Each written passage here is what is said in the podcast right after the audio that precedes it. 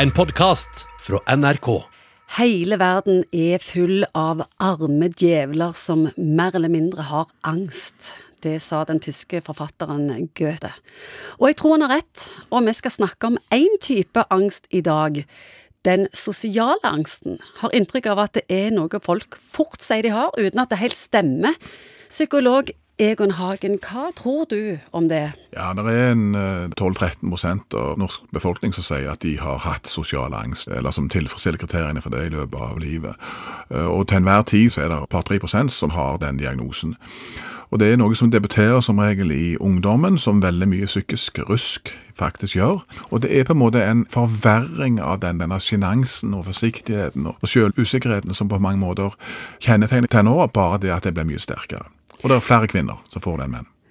Men hvor går grensa? Du har jo ikke sosial angst fordi om det er situasjoner du ikke liker. Nei, og det tangerer jo det der temaet som jeg, er ganske opptatt av, nemlig at det er forskjell på å ha en diagnose og det å kjenne litt på fenomenet. Og hvis du aldri hadde gått ut, begrensa livsutfoldelsen din og gjorde at liksom verden ble mindre og mindre, og, og til slutt så tør du nesten ikke å gå og hente posten engang fordi at du var redd at du skulle treffe en nabo mens du gjør det, da snakker vi om noe som er mer invaderende, ødeleggende, og som påvirker livet ditt på en helt annen måte enn å kjenne på det der litt ubehag. Hva er det de er redde for? Det er jo dette, denne selvfølelsen vår sant, og egoet, og, og se for deg at andre har en grunnleggende negativ innstilling til deg. De leter egentlig bare etter å finne feil hos deg. Og så blir veldig mange opptatt av at eh, de vil kamuflere denne usikkerheten og denne redselen i forhold til andres vurdering. Og så kan de da bli opptatt av at de må ikke rødme, eller de må ikke skjelve på fingrene. Og det blir vanskelig å spise sammen med andre folk, for de greier ikke å svelle på altså, Hvis det sitter folk og lytter på nå og er i den situasjonen at det er faktisk ulike ting de lar være å gjøre, hvordan går det an å snu denne utviklingen? Ja, da er det jo heldigvis god hjelp å få. Må du alltid gå til en psykolog? Nei, for å få hjelp, eller kan du snu nei, ting på egen hånd? Du kan si det som det vi vet. Hvis du er litt sånn uh, nevrotisk eller har uh, angst og den type ting, så vet vi f.eks. at det å begynne å trene veldig lurt. Du trenger ikke gå til noen lege, ikke henvisning, ingenting sånt. Bare begynn å bevege deg, begynn å trene. Og så er det sånn at folk har begynt med det vi kaller unngåelsesatferd. Det vil si at du ikke eksponere deg for de situasjonene som du syns er vanskelige. Og til slutt så vil du oppleve at det er flere og flere situasjoner som minner deg om dette skumle temaet.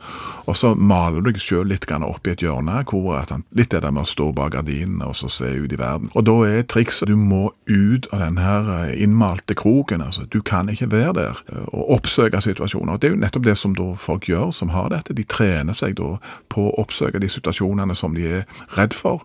Og så oppdager de at fra å være veldig aktiverte, veldig anspent, veldig redde i situasjonen, så oppdager du at jo lenger du er i situasjonen, så oppdager du at de andre der er jo ikke bare der for å vurdere deg. De har egentlig nok med sine egne problemer, og sure unger og galne mannfolk, eller hva det måtte være. De har sin egen agenda. De er ikke der primært for å følge med på om du ser nervøs ut eller ei.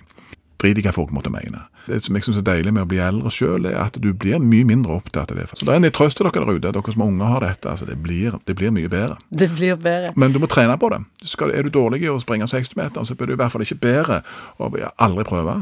Og Sånn er det med, med sosiale òg. Du må liksom gutse.